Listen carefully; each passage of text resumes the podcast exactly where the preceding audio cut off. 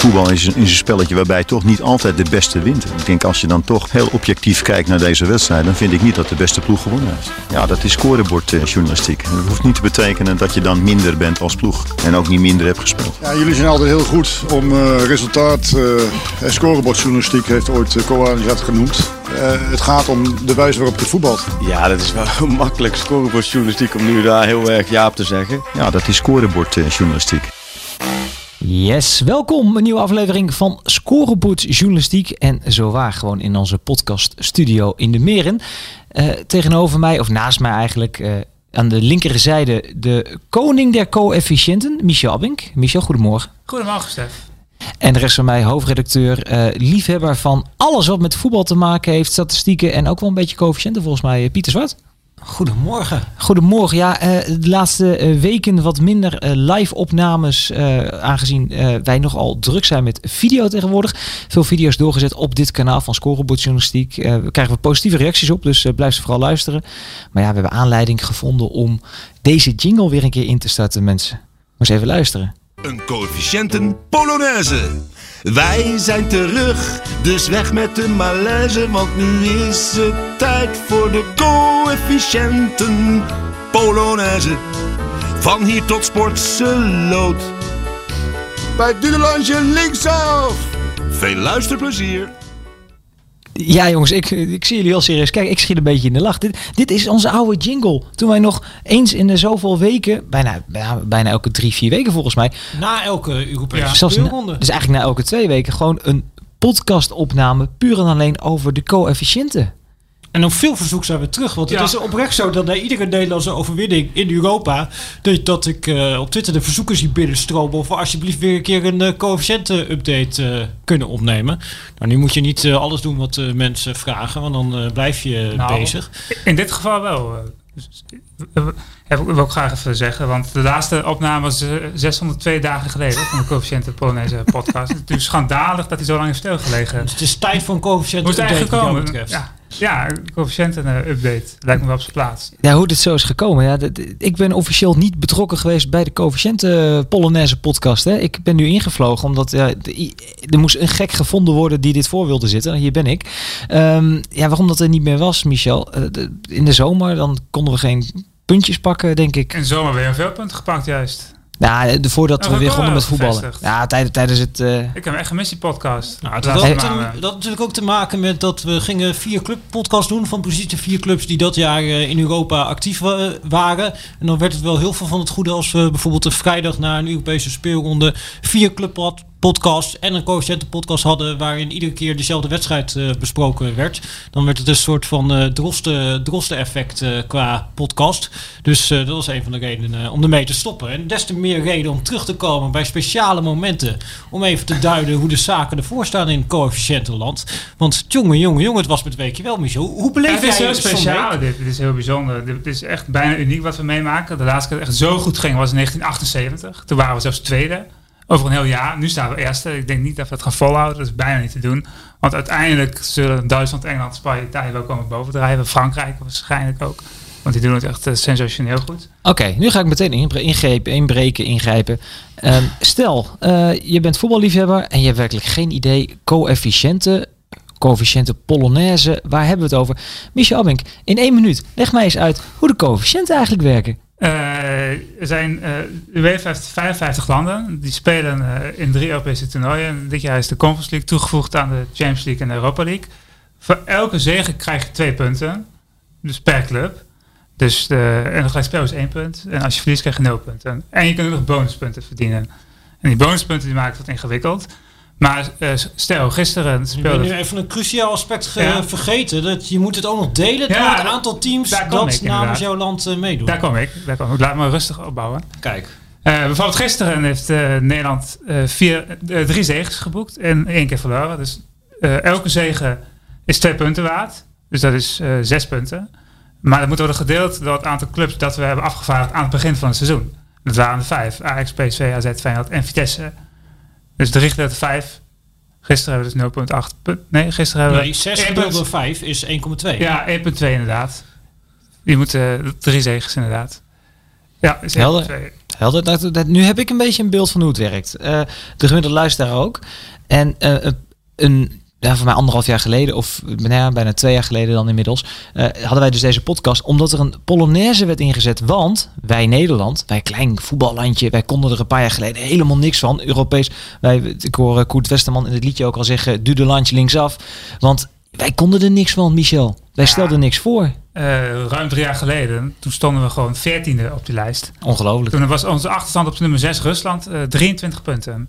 En toen waren we aan het kijken naar Bulgarije. Ja, het klopt. De, eh, Cyprus, Gibraltar, eh, Kroatië. Ja, dat, ja je zat echt in heel slechte regio's, zeg maar, aangaande de coëfficiënten. Maar dat Gibraltar hebben we even mooi achter ons gelaten. Hè? Ja, Gibraltar, die wordt echt, echt, wel, echt wel waar staan inmiddels.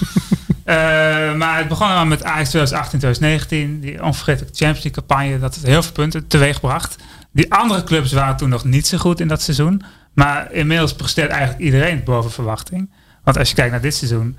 Er is geen echte ondergrens meer. Die wordt, tenminste, die is nog wel, maar alleen die wordt steeds verhoogd, die ondergrens. Ja, het is natuurlijk al een luxe met vijf ploegen in die groepsfase zitten van de verschillende toernooien. Wat ik wel even gek vind is, Ajax wint dan van de week van Dortmund. En nou, dat de, de fantastische overwinning natuurlijk. Maar daar krijgen wij dus net zoveel punten voor als eh de AZ wat gisteren in de Conference Ja. League wint van Kloei. Kloets. Dat zijn nu helemaal de regels. Ik denk dat het Kloe- wel gaat kloetje, veranderen. Kloets, ja. Oké. Want eh, de Conference League wordt nu al iets te hoog gewaardeerd eigenlijk. Eigenlijk is het beter om in de Conference League te zitten dan in de Champions League. Dat is wel een leuk detail, dat dat dus eigenlijk een gouden set is van de coëfficiëntenkoning Edwin van der Sar. Die dus eerst het voor elkaar heeft gekregen om met de Ajax ver te komen in Europa. En daarna dit proefballonnetje van de Conference League op heeft gelaten toen Ajax een keer een coëfficiëntendrama beleefde door uitgeschakeld te worden achtereenvolgens door Nice en Rosenborg. Ja, 2017, ons absolute rampjaar werd toen ingezet. Want PSV ging toen uit tegen Osijek. Ja, nee. Ajax en PSV gewoon eigenlijk het negen maanden lang. Het hele seizoen. En toen had je alleen in de groepsfase, geloof ik, Vitesse en Feyenoord die allebei Ja. direct gekwalificeerd waren. En dat werd ook nog een Ja. coëfficiënt eh, fiasco. Maar die, ja, Edwin van der Sar heeft toen vervolgens bij de UEFA eh, aangedrongen op een toernooi wat een soort vangnet zou zijn voor clubs die nou ja, uitgeschakeld raken in de voorrondes. En wat dat betreft heeft natuurlijk ook AZ geholpen. In een oude situatie had AZ misschien ja, niet eens in een groepsfase gezeten. Want die hebben natuurlijk eigenlijk verloren in die Ja. voorrondes eh, van Celtic. En nu is iedereen eh, opgevangen en ja, eh, doorgekomen. En zit je in die Conference League, waar je dus ook nog blijkbaar ja, evenveel punten krijgt voor een overwinning als eh, in de Champions League en in de Europa League. Dus dat is eh coëfficiëntenpunten sprokkelen. Een beetje onterecht natuurlijk, want het staat natuurlijk nergens op. Maar is die En hele... S Mura is, is, is eh, twee punten waard als je daarvoor wint. En, ja, Ja, maar is, dan het idee om volgend jaar gewoon Ajax PSV in te schrijven voor die Conference League? En dan, weet je, gaan Pek Zwolle de Champions League in of zo, dat we dat regelen. ja dat, is- dat zou op zich wel kunnen. Dat zou heel goed zijn voor het aantal punten. Als het mag van de UEFA, ik denk het niet trouwens. Dan moet je een heel rare dispensatie krijgen. Maar Ik vind het wel een interessante gedachte persoonlijk. maar- Maar nog even terug naar Ajax. Die hebben natuurlijk nu drie keer gewonnen in de Champions League. Nou ja, normaal gesproken zouden ze zich plaatsen voor de volgende ronde. En dan is Champions League spelen wel waardevol, toch? Wat is de coëfficiënte bonus die ja, Ajax kan verdienen als ze de knock-out fase bereiken? Nou, de afgelopen twee jaar heeft Ajax natuurlijk net eh, de plaats in de top 2 van de Champions League groep misgelopen. En dat kost per jaar kost het gewoon vijf bonuspunten in totaal. Want als je de groepsfase overleeft, krijg je vier punten. En als je deelneemt aan de achtste finale, dat komt dus op dezelfde neer, dan heb je nog één punt extra. Dus in totaal, als Ajax overwint het op het hoogste niveau, heb je vijf punten. Delen door vijf. vijf betekent één vol coëfficiëntenpunt. En we staan nu op Portugal 1.3.8. Dus we kunnen nagaan hoeveel het is, één vol punt. Ja, dat is, dat is wel Dat is de wereld, is dat gewoon. Dat is de wereld. Dan kunnen de Portugezen dat ook nog doen. Gaan we het zo meteen over hebben. Oh, goed. daar gaan we het zo over hebben. Gaan we zo. Ja. Heel even kort deze week doornemen, want dat is ook gebruikelijk in de co- eh, coëfficiënte Polonaise podcast. Eh, ja, toch even beginnen dan bij Ajax. Veel over gezegd. Ik denk dat ik onze collega Freek Jansen overal gezien en gehoord heb. In, in, achter, in auto's, eh de, Galita Sophie, eh, nog een podcast. Ehm, maar het was wel een lekker avondje. Het is ongelooflijk. Het is ja, een wedstrijd waar we over 15, 20, 50 jaar nog steeds eh, over eh, op terugkijken. Dit wordt een vraag op alle NK voetbalquizzen. Wie Terecht. stond in die wedstrijd op doel en hield drie schoten van Erling Haaland eh, tegen? En dan moet je nog maar net erop komen tegen die tijd dat het eh, Remco Pasveer was. Er wordt echt eentje voor de nou ja, voetbalquizzen, de andere hobby van Michel Abbing. Obsessie. Ja, maar dit is een onwaarschijnlijke, ongelofelijke wedstrijd. Want Dortmund is natuurlijk gewoon ja, een heel goed team. eh, wat gewoon echt een heel hoog niveau haalt. En als je die ja, met 4-0 wegvaagt. Ja, dat, dat, dat gaat eh, heel Europa door eh zonder overwinning. En het is ook nog ja, met ja, fantastisch voetbal wat Ajax op de mat legde. Het nieuwe totaalvoetbal schreef jij. Ja, totaalvoetbal eh 2.0 eh, heb ik het genoemd. Maar ja, ik denk, denk dat speelt Ajax eigenlijk al wat ja, langere tijd. En je ziet dat ze een beetje die, ja, die, de principes van de Hollandse school naar de moderne tijd gebracht hebben. En ja, het is nog veel ja, flexibeler en meer fluïde geworden de manier waarop eh, Ajax voetbalt. En dat is ook waarom heel veel tegenstanders ja, daar enorm veel moeite mee hebben. Als je alleen al die tandem op de rechterkant pakt met eh Mascoui en Anthony. Ja, de ene staat dan weer, dan staat in één keer Mascoui op het middenveld. Dan is in één keer een centrale verdediger. Ook als je bijvoorbeeld, nou, Julian Timber, die zie je soms in één keer ja, eh, als middenvelder doorbreken. Iedereen ja, duikt overal op. En tegelijkertijd ja, neemt ook iedereen weer de positie in die verdedigend nodig is. Ik denk dat bijvoorbeeld die vierde goal is daar een heel goed voorbeeld van. Dan verliest Ajax op de helft van de tegenstander de bal. Dan zie je Klaassen meteen omschakelen, die bal veroveren, zet Ajax een nieuwe aanval op. Nou, Mascoui was daar in eerste instantie eigenlijk eh, degene die de restverdediging verzorgde. De derde centrale verdediger, die schakelt zich meteen weer aanvallend in. En dan heeft bijv- bijvoorbeeld Davy Klaassen de tegenwoordigheid van geest, terwijl het de nummer 10 is, om achter weer die rugdekking te verzorgen. Omdat hij ziet, voorin zijn alle posities bezet.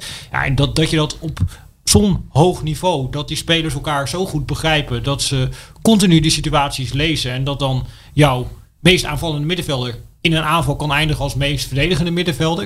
Ik denk dat dat ja, een hele grote kwaliteit is van dit Ajax. En in mindere mate zie je dat eigenlijk bij een heleboel clubs in Nederland nu terug, dat die variatie eh, in het aanvalspel gekomen is. En als je dan teruggaat naar de coëfficiënten malaise waar Nederland in zat, ja, dat is natuurlijk een totaal andere situatie. Dus je ziet hoe wij toen aan het spelen waren met vier man achterin die het balletje naar elkaar naartoe schuiven waren, defensief balbezit op eigen helft. Ja, dat, dat is zo'n gigantische wereld van verschil in spelopvatting en moderniteit eh, daarvan. Ja, dat, dat, dat, dat zijn lichtjaren verschil. En dan zie je ook lichtjaren verschil in de coëfficiëntenpunten die je daarmee haalt.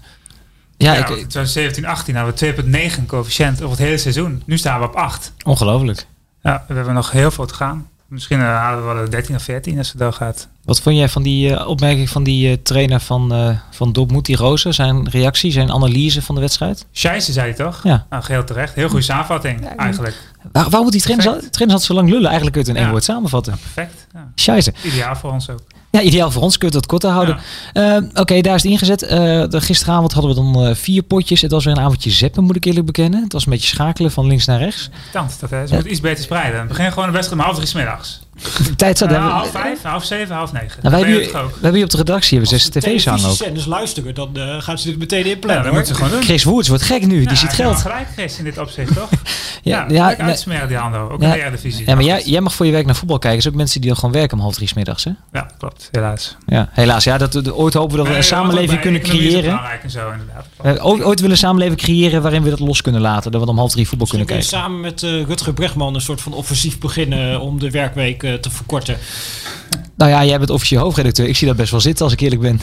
Ja, nee, maar jij, jij moet wel weer naar die wedstrijden. Dus of het jou ook helpt, dat is maar de vraag. De rest van Nederland is er misschien wel bij geholpen. Had ik Echt een maar een vak geleerd. man. Officieel. 40 uur per week toch? Valt er gewoon mee, werkweek. Hoe lang is jouw werkweek? 65 tot 70 of zo. Die van Pieter ook, denk ik. Die van jou ook. Dus op zich. Ja, ja, ja. Ja. wat doen wij verkeerd? Oh nee, we vinden het leuk. Dat Ja. was het. Dat was het. Hobby. uitgaan Ho- van hobby, mazzel dit. Eh, gisteravond eh, de vroege, twee vroege wedstrijden. Ehm, ja, op voorhand zeg je Vitesse eh, tegen Tottenham Hotspur. Ja, geen schrijven kans. Maar Pieter, ze kwam met de B-ploeg, hè? Tottenham. Ja, dat eh, heb ik hier en daar eh, gelezen dat ze met de B-ploeg kwamen. Lekkere B-ploeg. Nou ja, gewoon het hele ja, basisteam thuis gelaten. Maar als je ziet welke spelers daar wel spelen. Ja, dat is natuurlijk alsnog gewoon een ontzettend hoog niveau. Wat ze daar eh, neerleggen en neerzetten qua spelers. Zo'n ja, Brian Giel die dan gehaald wordt. Ja, dat is een speler, ja, die staat nu in de basis. Ja, Nederlandse clubs kunnen hem niet betalen. Eh, Steven Bergwijn, nou ja, dat is dan ook B-keus bij Tottenham. International. Hier, ja, international. Dat was hier een van de betere spelers eh, van de competitie. Maar ook iemand als Harry Winks. Ja, tot voor kort, niet zo lang geleden, speelde hij in de Champions League finale. Davinson Sanchez, die kennen we natuurlijk nog. Dus ja, het is niet zo Maar- dat daar een heel slecht team stond. Nee, maar, maar, maar dan wil ik wel even naar, naar, naar Michel toe. Kijk, eh, je hebt het ook wel eens gehad over eh, dat, dat de voetballers in Nederland eindelijk een beetje eh coëfficiënten bewust zijn geworden. Heel belangrijk woord. Zijn die spelers van Tottenham Hotspur dat ook? Nee, interesseert gewoon helemaal niks, die Engelsen. Want die staan toch gewoon in de top 4 altijd. Engeland, Spanje, Duitsland en Italië. Die krijgen zoveel bonuspunten aan het begin van het seizoen altijd binnen. Ja, maar die, Spurs, vier vaste tickets hebben voor de Champions League. ja, maar die B-ploeg van Spurs had helemaal geen zin in Gelredom Ja, dat gisteravond. snap ik heel goed. Want als je, de conference, als je, dat, als je dat, ene, dat, dat ene wint, dan krijg je een ticket voor de EL als beloning. Als je de Conference League Ja, wint, krijg je Precies. als beloning een ticket voor de Europa En League. de Europa League vinden ze al ondermaat. Nee, die willen Champions League spelen. Engelsen. Dus ja. Die Europa League gaan ze eigenlijk pas serieus nemen. Normaal gesproken op het moment dat ze doorhebben. Oh, misschien wordt het in de competitie lastig om een Champions League ticket af te Ja. dwingen. En dan kun je via de Europa League de Champions League ticket afdwingen. En dan stelt eh José Mourinho tegen Ajax een eh, goed, eh Ja. goed elftal op. Maar het is in maart, april pas gaat het spelen. Hetzelfde als United vorig jaar tegen Villarreal. Maar die, die spelen dan eigenlijk die hele groepsfase met de B-team. Totdat ze door hebben. Hey, de longt misschien een Champions League ticket. En dan gaan ze een A-team opstellen. Maar nu, ja, je ziet het ook bij AS Roma. En die nemen het ook niet serieus, eh, de Conference League. Dus als je de Conference League serieus neemt, dan heb je ook gewoon daadwerkelijk kansen om die finale in, waar is het, geloof ik, Tbilisi? Uh, Tirana. Oh, Tirana. Nou, Tirana, een, andere, dat is- een andere stad met de T in het oostblok. Simpel, iets, verder, iets verderop. Even tot Tom invoeren, dat scheelt niet zo heel veel, Pieter. hè. Dat, dat, dat, we sturen jou die kant op als het zover is. Want ja, er staan waarschijnlijk twee Nederlandse ploegen in de finale van de Conference League. Dus we zijn Ja. er wel bij natuurlijk. Misschien wel PSV. Zou voor ons niet slecht zijn als PSV degradeert. Ja, de maar- ja, maar nu maak je het maar. Nu wordt wordt het lastig. Nu wordt het lastig. We moeten beginnen met Feyenoord dat wint van eh Union Ja, Berlin. ja, we moeten positief blijven. Oh ja, nou dat is positief. Feyenoord wint van Union Berlin. Eh, ik heb Feyenoord afgelopen weekend gezien tegen RKC Waalwijk. Eh, Europese wedstrijden zijn toch anders, hè? Of is Union Berlin niet zo goed? Nou, Union Berlin is heel erg goed. Nou, daarom. Heb- Die, die eh, wonnen afgelopen weekend van eh, het eh, Wolfsburg van Mark van Bommel. En ja, het is een ploeg die er gewoon heel goed voor staat in de Bundesliga. In de Bundesliga zijn er geloof ik ook maar vier of vijf teams die kwalitatief nog minder kansen weggeven dan Union Berlin. Dus is defensief ja, een zeer goed georganiseerd georganiseerd team. We hadden ook Jean-Paul Beweetjes eh, op VPRO die wat uitlegde over nou, dit team, deze trainer en hoe ze georganiseerd zijn. Maar ik moet zeggen, en dat is misschien ook wel een verschil zeg maar, ten opzichte van eh, eerdere jaren of pak een beetje vijf jaar geleden, dat het helpt heel erg dat Nederlandse teams dit heel erg serieus nemen. Dat daar iemand naartoe gestuurd is naar Union Berlin, die die ploeg bekeken heeft, terug is gekomen met een analyse. En dat je terugziet in het spel van Feyenoord, ja, dat ze gekeken hebben naar waar is Union Berlin goed in, in en hoe kunnen wij daar vervolgens eh, van profiteren. Nou, die spelen een soort van 5-2 systeem en die proberen op een gegeven moment met hun wingbacks druk te zetten op de vleugelverdedigers van de tegenstander. Nou, je zag bij Feyenoord dat ze loerden op die momenten van, hey, in één keer stappen die wingbacks door en dan was het, eh, of het was Kukcu of het was Pedersen. In één keer lange bal richting eh Sinistera, richting die aanvallers die dan één op één staan tegen die drie centrale verdedigers.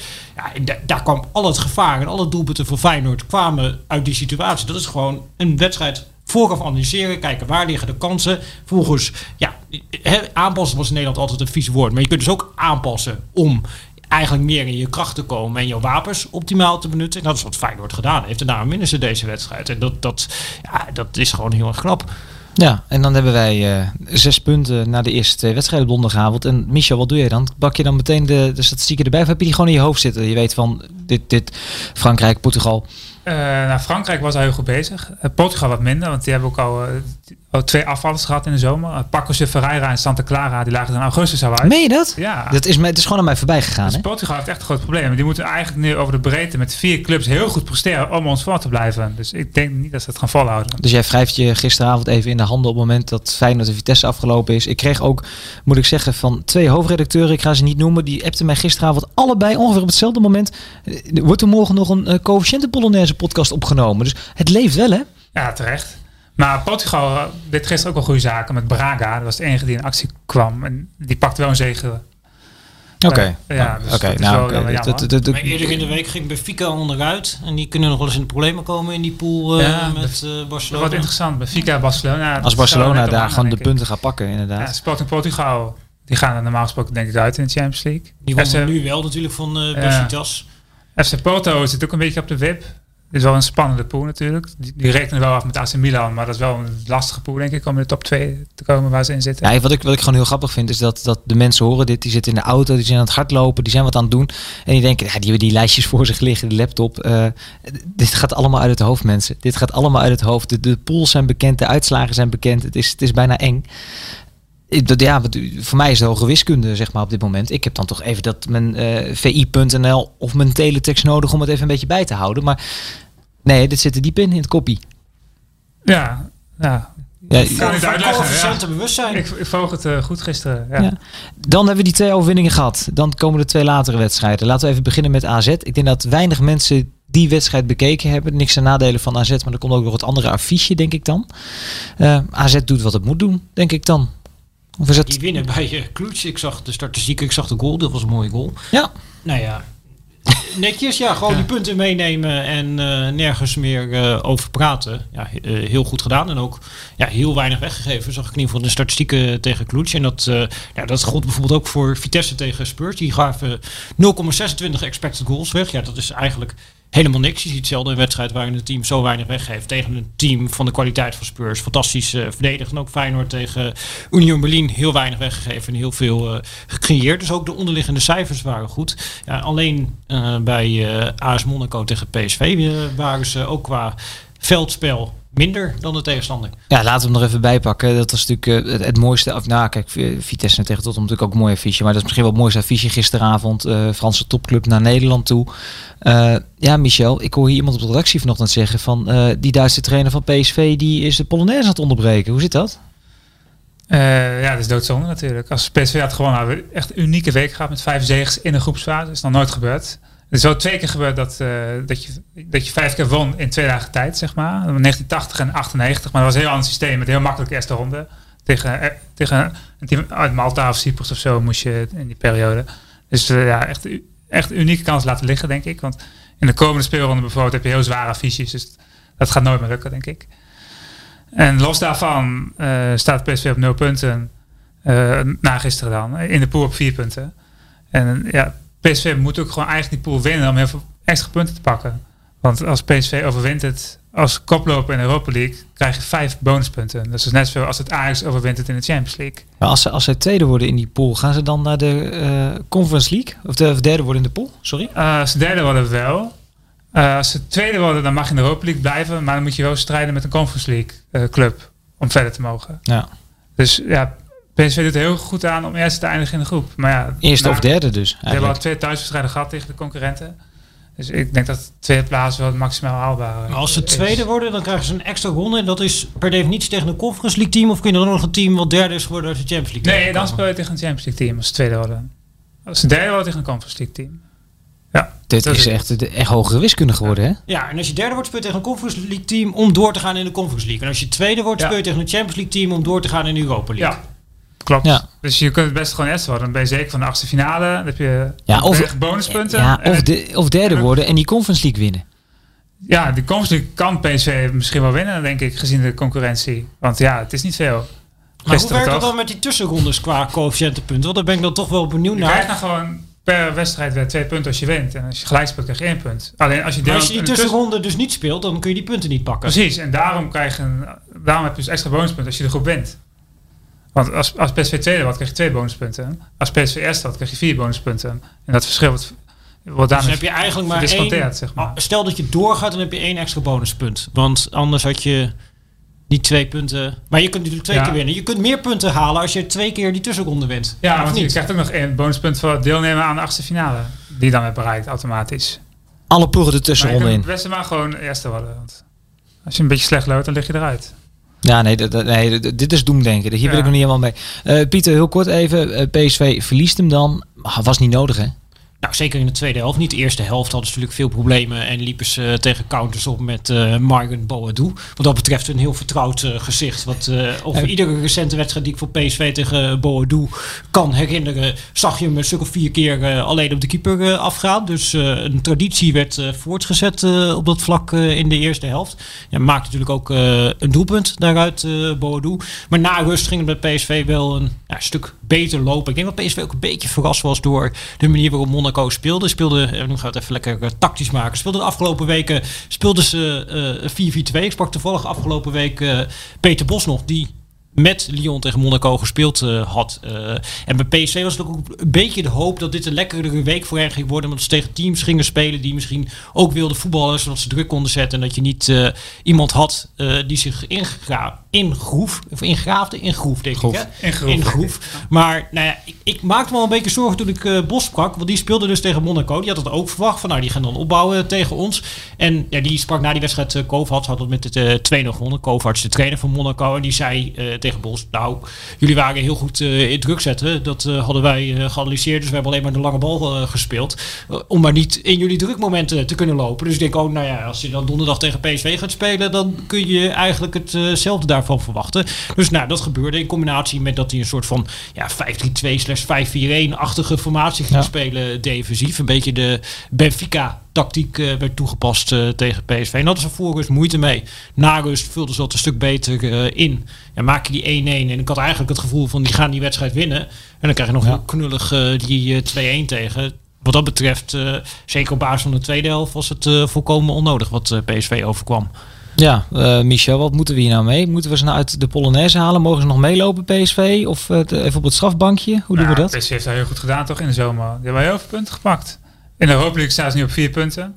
Dus 0,6 voor het coëfficiënt. Ik denk dat iedereen het heel goed doet dit seizoen. En ook PSV maakt er deel van Dus uit. Roger Smit mag gewoon aansluiten in de Polonaise van jou. Ja, Nou, heel goed. Nee, dat, ik wil dat wel wel even... achteraan misschien. Ja? Zo, Maar, eh, net, net ja, heel bedeesd misschien. Maar de kans op overwintering is, als ik heel goed beluister, is dus nog steeds heel erg groot voor PSV. Want ook als ze derde worden, als ze gewoon Sturm Gras achter zich houden, Ja, dat- dan gaan ze gewoon door na de winter nog in Europa en kunnen ze coëfficiëntenpunten blijven Ja, sprokkelen. precies. Ze staan nu al vier punten voor op Sturm Graz. En die krijgen ze nog thuis. En die kunnen er eigenlijk helemaal niks van. Eh, uit Oostenrijk trouwens. Onze echte concurrent. Voormalig geleden. coëfficiëntenconcurrent. Ja, nu staan we inmiddels, eh, ik weet niet hoeveel punten voor op Oostenrijk. Ik hou het niet eens meer in de gaten. Zover is Oostenrijk afgezakt. Ja, nee, maar... Dat is wel grappig. België en Oostenrijk zijn gewoon helemaal weggevaagd. Ja, nou, Nederland. over België wil ik het even hebben. nou want, ik liever niet, want ik heb heel, veel, heel vaak boze Belgen eh, op mijn dak. nou, nou, nou, nou, vertel, waarom heb je een boze Belg op je dak, Michel? Nou, ik heb af en toe wat getwitterd over België, dat ze het iets minder goed doen dan Hoe, eh, hoe noem je dat? Had je, jaren. had je er nog een term voor? De gouden generatie, dan tussen haakjes, de gouden generatie. Die zijn natuurlijk een beetje berucht, die, die haakjes altijd die dan plaatst. Maar dat wordt niet echt gewaardeerd daar. Terwijl ze toch geen prijs hebben gewonnen met hun gouden generatie. Dus dan heb je er een bronzen generatie, of een houten generatie, of hoe je het ook noemt. Terwijl die Belgen zouden dit eigenlijk enorm moeten waarderen. Ik zag Suleiman, die er vandaag door de vakantie eh, nog niet bij eh, kan zijn, zag ik eh, gisteren twitteren. eh, eigenlijk een soort van de coëfficiënte utopie. Dat jij eh, straks minister van coëfficiëntenzaken bent en dan Nederland eerste staat op de coëfficiëntenranglijst. Nou, daar zijn we nog niet. Maar als je ziet waar we vandaan zijn gekomen sinds jij het coëfficiëntenbewustzijn erin hebt gebracht. Is, nou ja, is toch eh, een gigantische sprong voorwaarts. En eigenlijk zouden dus de Belgen heel blij moeten zijn dat jij hen wijst op het coëfficiëntenprobleem, zodat de coëfficiëntenbewustzijn kan ontstaan om uiteindelijk coëfficiëntenprogressie te boeken. Ja, Ja. want die Belgen die staan echt heel slecht voor. Die gaan eh, gewoon een plek in de top 10 verliezen. Ja, ja, maar die, Ja, de, bewustzijn, wel- nee, de bewustzijn is er dus gekomen. Want ik, ik, ik las even eh, het laatste nieuws, een eh, krant in België. Eh nog maar eens 0,4 punten in de pocket. De stuntzegen van Ajax tegen Borussia Dortmund spekt het puntentotaal van Nederland dinsdagavond nog extra aan. Onze noorderburen dansen nu al weken aan één stuk de coëfficiënten Polonaise. Dit seizoen sprokkelden Nederlandse teams al het meeste punten van alle landen zijn de 6800. Dat was nog voordat we die Ja, punten van gisteren ja, erbij hadden. En vervolgens een heel verhaal over dat die Belgen echt moesten gaan winnen gisteravond. Eh, oh, Je hebt ook het bewustzijn in België teruggebracht, Nou, Michel. nog niet helemaal, want RC Genk ging er wel hard af gisteren tegen West Ham United. Dus, Nee, eh, maar onder de journalisten. ja, ja, dat is een eerste stap. Dat, hier is het ook begonnen met dat jij erover ging schrijven dat Soelie er grapjes over maakte en Pieter het probeerde te duiden met deze podcast. Ik denk dat ze in België ook zo'n podcast moeten beginnen. Hebben ze wel nodig misschien. Ja. Zou je je daarvoor uitlenen? Nee, nooit. Eh, Het is toch een concurrent, een potentiële concurrent, België. Ze hebben jarenlang boven ons gestaan. Echt tien jaar of zo.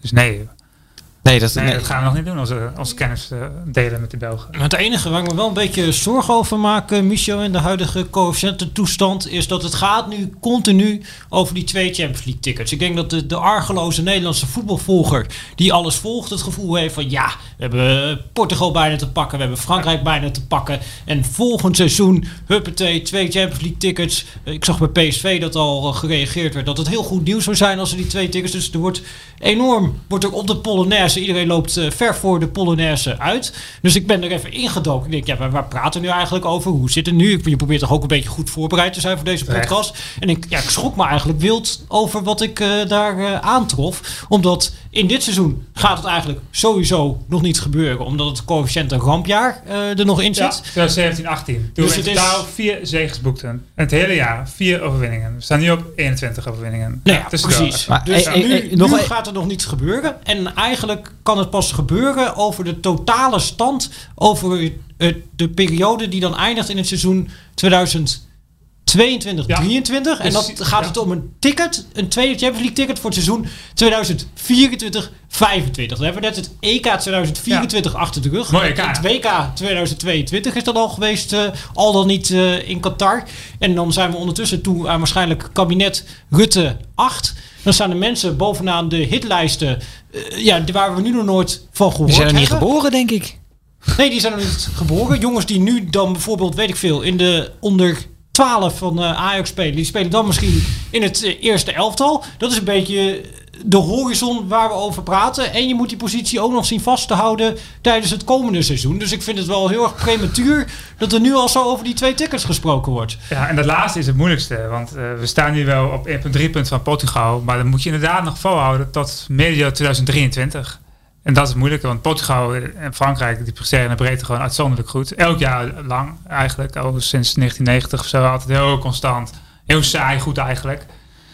En afgelopen zomer natuurlijk, ja, het was natuurlijk echt uniek dat we met vijf clubs alles hebben overleefd, alle voorrondes. En ja, de kans is op basis van de statistieken niet heel groot dat het nog een keer lukt. Wacht even, wacht even, wacht even. Ik, wacht, wacht even. Ik dus zit die nuance is wel heel belangrijk inderdaad. Want, eh, eh, Ik, ik zit hiermee. Een coëfficiënten Polonaise. Wij zijn terug, dus weg met de malaise. En weg is het. Wat is dit nou? Ik, ik kom hier om die podcast op te nemen. Ik zet de Polonaise in en nu hoor ik hier eigenlijk dat het allemaal voor niks is. Ja, in de voorrondes hebben we natuurlijk wel een paar keer de plank misgeslagen de laatste jaren. Hè. FC Utrecht, weten we allemaal, tegen eh FC Doudelange en tegen Mostar in Go Ahead 2020. Eagles, daar zit ik eh, nog enorm mee in mijn maag. Dat Dan- die destijds een ja. fairplay ticket hebben gehad. En dat heeft Nederland ook eh Ja, was wel leuk. punten gekost. De coëfficiënte fiasco in optima forma. Heracles. Almelo. Heracles Almelo wel ongeslagen in Europa trouwens. Maar goed, op basis van uitdoelpunten die inmiddels zijn afgeschaft. Ja, het is ongelooflijk hè? Ja, net te vroeg in Europa ingegaan dus. Maar inderdaad, eigenlijk wordt de komende zomer wordt eigenlijk wel cruciaal. Dus je moet met een heel sterke delegatie moet je Europa ingaan. Dus we moeten dit jaar eigenlijk niet hopen op een stunt in de Eredivisie. Nee, dat per kijk- ongeluk Fortuna Sittard een Ja, keer eh, een Europees ticket haalt. Die doen best wel goed. Stel voor Ja. dat die ongeluk de play-offs winnen. Ja, Ja, maar Tottenham gaat ook niet graag naar Leeuwarden, denk ik. nee, nee, is Tottenham niet. Maar andere clubs die er wel met een A-team voor gaan, misschien wel. Dus, Ja, nou ja ik, ik, ik, ik zie dat al wel voor me, die sterren van, eh, van Tottenham die op dat Cambuurplein aankomen rijden daar. Met al dat winkelend publiek daar en zo. Oude stadionnetje. Is er eigenlijk Koud nog een risico dat we nog een keer zo'n fairplay ticket eh, krijgen? Of, eh, Die is afgestraft in 2019. De mooiste dag van mijn leven was dat. Serieus. God, wat heeft dat toch een punten gekost? Go ja, voor veel mensen is dat eh, de, de geboorte van een kind of eh, het ontmoeten van een grote liefde. Maar voor jou is dat de dag dat Nee, eh, maar dat- het fairplay ticket werd eh Ja, maar dit is zoveel afbreuk aan onze status. Dat heeft ons echt jaren achtervolgd, Go Ahead. Eerste volgende Europa League eraf tegen Ferencvaros. Ik denk dat iedereen Die in Deventer nu heel boos deze podcast aan het afzetten is. Ik denk dat Michel de hele kunnen achter zich aan maar Ze waren, ze waren gedegradeerd naar de eerste divisie. Ze stonden volgens, ja, ze, ze werden dat jaar ook heel laag. Nee, ze begonnen verder wel uiteindelijk. Maar ze begonnen toen heel slecht dat seizoen. Dus eigenlijk was toen een middenmotor in de eerste divisie die tegen Ferencvaros, een Hongaarse topclub, moest. Ja, ik zeg altijd Ferenc Tuurlijk zijn Varos, er maar... Ja, ik weet niet hoe dat is. Nee, maar dat maakt niet uit. Maar eh, eh, eh, hadden ze dan nee moeten zeggen op dat moment? Dan moeten ze zeggen van nee, maar dit, dit eh, vanuit niet ons coëfficiëntenbewustzijn geef het ticket hier terug. Ja, in het ideale geval had ze dat gedaan.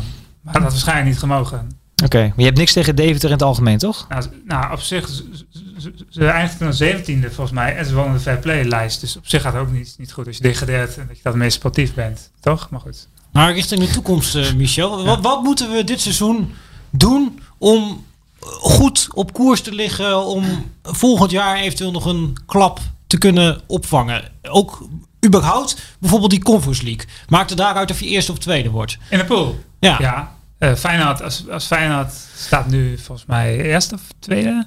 Weet niet uit mijn hoofd. Maar Feyenoord, AZ en Vitesse kunnen allemaal nog eerste worden. Dan krijg je twee punten. Word je tweede, krijg je één punt. Nou, dat maakt eruit. Kan Heb je dan ook nog een extra coëfficiënte tussenronde als je tweede wordt in de Conference League? Ja, dan krijg je- moet je tegen nummer drie van de Europa League. Dus, Dus je maar slaat de ronde over als je eerste wordt eh, Ja, in de Conference Je League. kunt beter eerste worden in dit geval, denk ik. Want dan heb je alsnog een achtste finale. kun je nog een heel lange weg richting de finale bewandelen natuurlijk. Dus jouw visie op, A, op AZ, op Vitesse en op Feyenoord is die moeten eerste worden. En hoeveel bonuspunten krijg je dan als je eerste wordt in de Conference League? Twee. Twee bonuspunten. En, en later pas als je dus de halve finale 0,4 haalt. punt. Dat is net zoveel als één wedstrijdje winnen.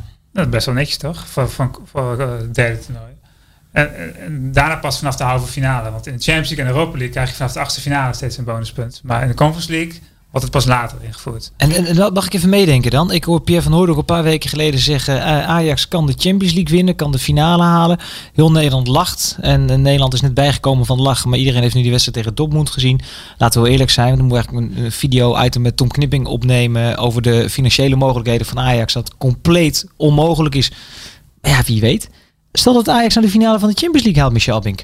Hoe hard gaan wij dan door het dak? Eh, dat valt relatief gezien nog mee, raar genoeg.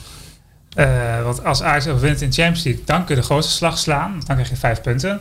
Maar als je de kwartfinale dan haalt, krijg je maar één punt. Halve finale één punt, finale één punt. Eindwinst levert niet eens een bonuspunt Nee, op. maar dit... dit Natuurlijk, als je steeds wint. eh, Maar dat is ook steeds maar twee aan. punten. Dus als jij de tussenronde in de Conference League wint, dat levert net zoveel punten op als dat je de halve finale van de Champions League wint. Eh, nee, want je krijgt geen punten voor het bereiken van de achtste finale in de Conference League. Maar per wedstrijd Maar wel. per wedstrijd per wel. wedstrijd wel. Dus, Maar qua joh. bonuspunten niet. dus qua punten levert het eventuele winnen van de halve finale van de Champions League, of de finale van de Ja. Champions League, levert dan puur sec voor die wedstrijd evenveel punten op als dat Vitesse nog een keer wint van Mura. Ja, precies. Ja. Oké. Dus coëfficiënt is scheef groei is dat. Coëfficiënte scheefgroei, prachtig. Maar eh, eh, heb je al boze brieven gestuurd naar de UEFA, Michel? Dit kan Ja. niet natuurlijk. Ik heb vorig jaar wel contact gehad met de UEFA over dat systeem. Ze hebben er heel lang over gedaan om dat te bepalen. Die echte waardes in de Conference League. En volgens mij is het pas begin mei helemaal definitief besloten. Want ik werd er vlak daarna over gecontact door de UEFA. Maar ik weet bijna zeker dat ze dit gaan evalueren. Want het is natuurlijk heel raar hoe het nu gaat, eigenlijk. Want is PSV, wel mooi voor ons. Maar als PSV degradeert naar de Conference League... dan kunnen ze veel meer punten pakken dan in de Europa League. Nou, dat, dat is mijn voornaamste vraagstuk. Wat, wat moet PSV? PSV zit natuurlijk nu een beetje in een situatie. Drie wedstrijden gespeeld. Het kan vriezen, het kan dooien. Ze kunnen nog eerste worden in theorie. Ze kunnen nog derde worden. Eh, Wat, wat is qua coëfficiëntenpunten eigenlijk voor PSV de meest ideale route om nu te bewandelen? Nou, Moeten die op een gegeven moment eigenlijk een B-teampje gaan opstellen tegen Monaco... eh, om vervolgens op die manier de derde plaats veilig te stellen? En is dat dan... Ik zou er eigenlijk, het klinkt heel raar, wel voor willen pleiten. Eh, dat ze derde worden in de Conference League. Want stel je voor dat je tweede wordt in de Europa League. En je speelt, Ja, in de Europa League. Derde in de Europa League. Is een Conference League. Mensen moeten derde Ja. worden in de Europa League. Ja. Je moet derde worden in de Europa League, dus niet tweede in de Europa League. Want als je tweede wordt in de Europa League, dan bestaat het gevaar dat je tegen Barcelona moet of zo in de tussenronde. Dat, ja, als die derde worden, dat kan zomaar. Je hebt een paar heel tricky pools in de Champions League. Ook die pool met eh, Milan. Je kunt Paris en Saint-Germain tegenkomen. Paris Saint-Germain, die kunnen ook nog Die derde kunnen- worden ja, in de daarom. Champions League. Ja, en, en überhaupt ook als je de tussenronde overleeft. Europa League is best wel een goed niveau als je die pools bekijkt. Hè? Zeker, mooie, Dus mooie clubs. verschil met, de- met, met, de- ja, met het andere toernooi.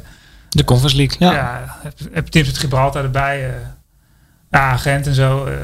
Maar Ja. tegen, en wie, tegen speelt PSV in de laatste speelronde van de Europa League? Want het is wel even belangrijk om dit nu even goed eh, te plannen qua coëfficiëntenpunten. Normaal gesproken moest je...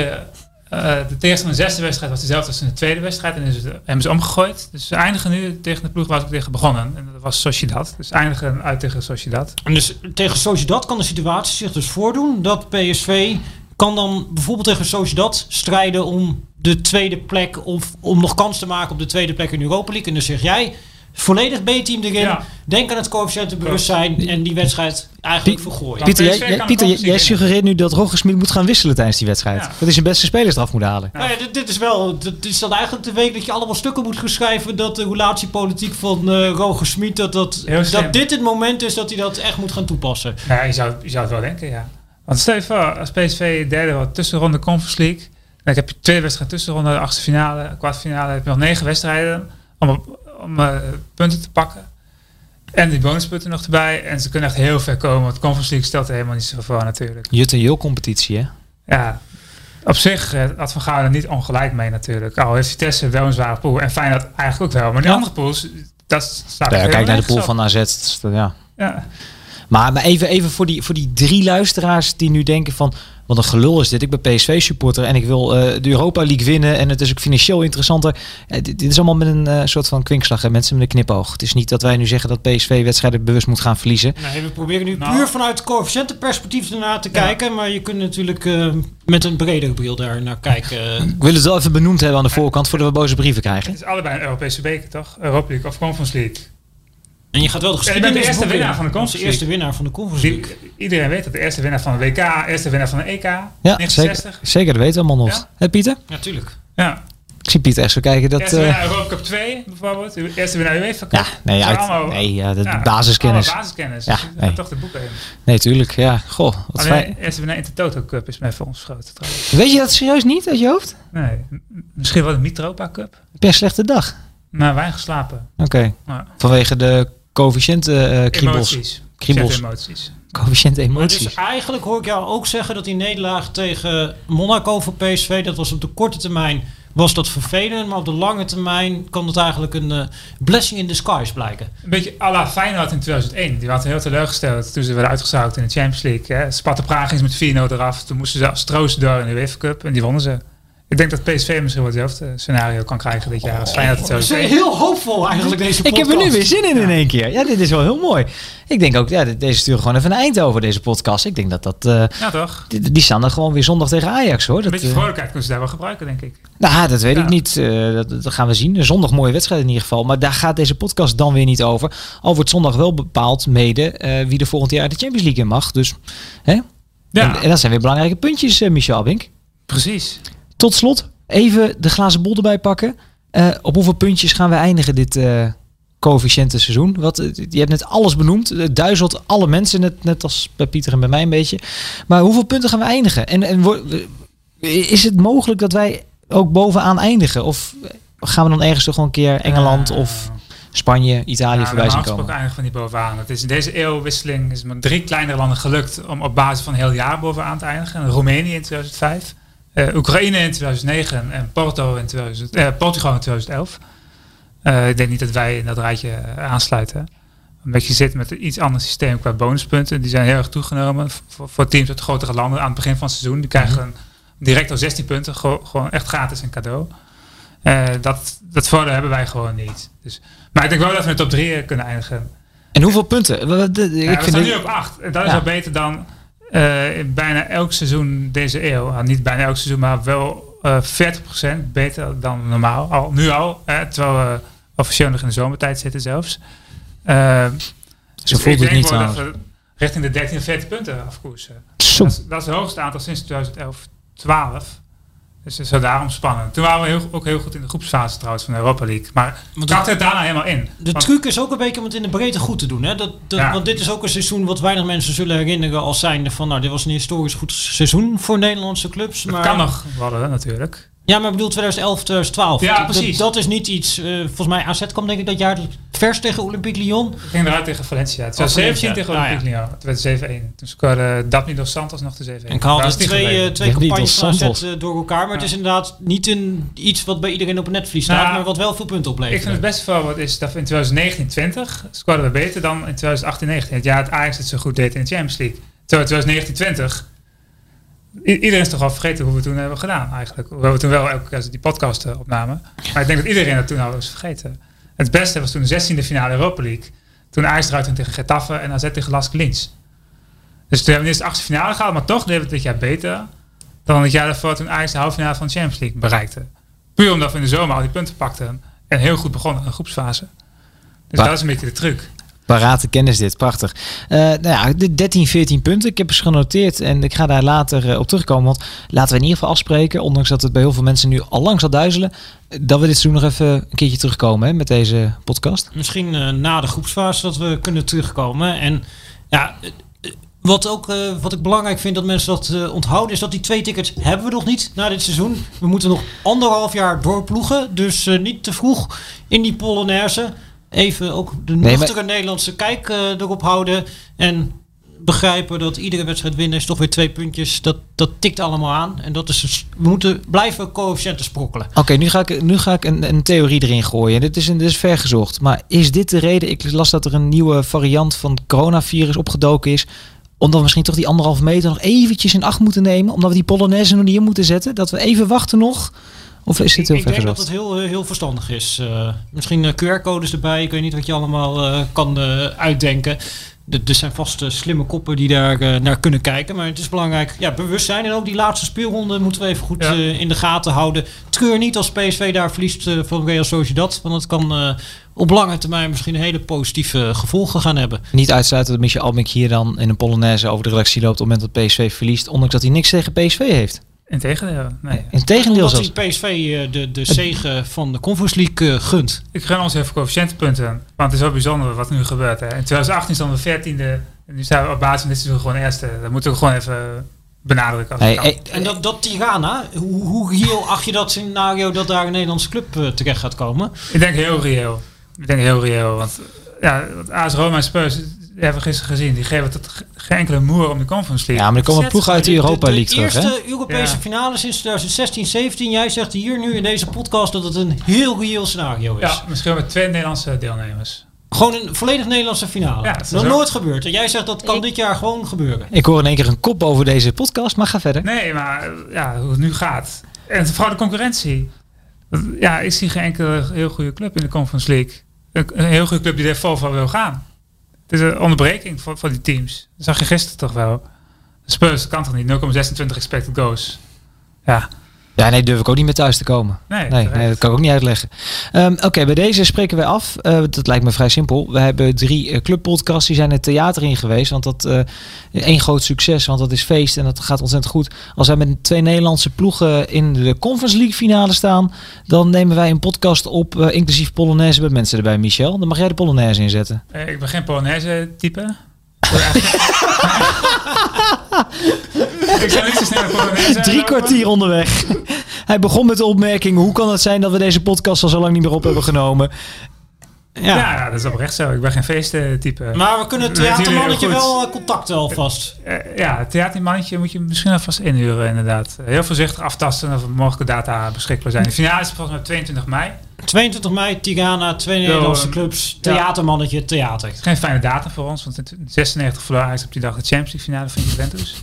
Ook gewoon Maar zo. als we tegen elkaar staan, dan maakt het niet uit. Want Ja. toch een Nederlandse winnaar. We gaan even checken hoe uh, Soelie zijn agenda is in die tijd. Eh, we gaan het theatermannetje even bellen en dan komen we op terug. En de mannen, ik, ja, ik ga het toch even één keertje inzetten. Dit is toch wel lekker, hè? Een coëfficiënten Polonaise. Wij zijn terug, dus weg met de malaise. Want nu is het tijd voor de coëfficiënten Polonaise. Van hier tot Sportseloot. Bij Dudelandje linksaf. Veel luisterplezier. En dan zegt hij dat hij, helemaal, dat hij het niet van Polonaises houdt. Dat is best wel jammer, Pieter. Ja, vind Ja. ik ongeloofwaardig. Maar eh, volgens mij uh, er is heel veel reden voor uh, hoop en optimisme. Maar we moeten niet voor de coëfficiënte Polonaise uit gaan lopen. Ik sluit hem af. Heren, dank jullie wel. Ja, jij ook.